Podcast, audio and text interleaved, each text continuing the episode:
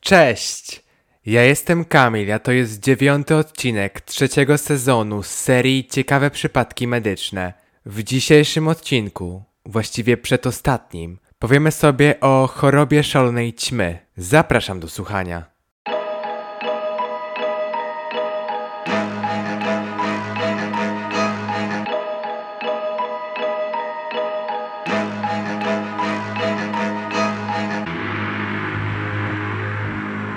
Schorzenie nazywane chorobą szalonej ćmy występuje wśród Indian Navajo, zamieszkujących środkowo-zachodnią część USA. Indianie wierzą, że istnieje specyficzny rodzaj choroby, który pojawia się po kontakcie z ćmą. Schorzenie to polega na występowaniu napadów przypominających ataki padaczkowe, jednak objawom fizycznym towarzyszą także psychiczne. Chory zachowuje się jako pętany, wpada w szał i miota się, jego zachowanie przypomina trzepoczącą się ćmę, stąd nazwa choroby. Pojawić się mogą mdlenia.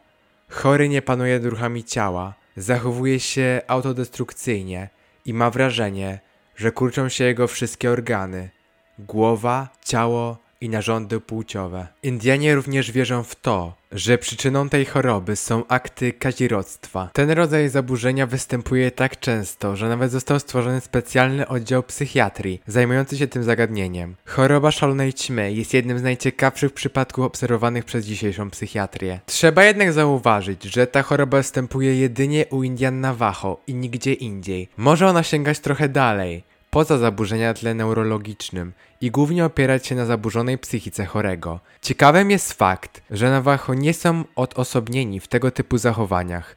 W innych kulturach również pojawiają się jednostki chorobowe, które mają swoje korzenie w kulturze. W Azji występują choroby spowodowane przez węże i smoki. W Afryce zaś powiązane z postacią złego ducha. Wiele ma z tym wspólnego znaczenie danego symbolu dla takiego społeczeństwa.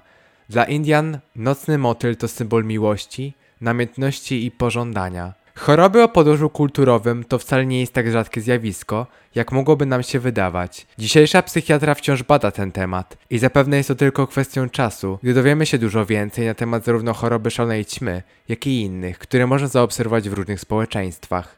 Wracając do wierzeń Indian, według nich znajdująca się w ciele chorego ćma to znak, że są one we władaniu złego ducha. Bardzo prawdopodobne, że w ten właśnie sposób dana osoba wyraża swoje poczucie winy lub karze samą siebie za niewłaściwe postępowanie. Choroba ma więc wymiar symboliczny. W kulturze Indian Navajo istnieje specjalny rytuał leczący chorobę szalonej ćmy, w wyniku którego dana osoba pozbywa się ćmy ze swojego ciała poprzez zwymiotowanie jej. To już wszystko w dzisiejszym odcinku. Serdecznie dziękuję za wysłuchanie i zapraszam Was na ostatni odcinek z tej serii, którego premiera już 11 listopada 2022 roku podczas pierwszego maratonu CPM Podcast. Cześć!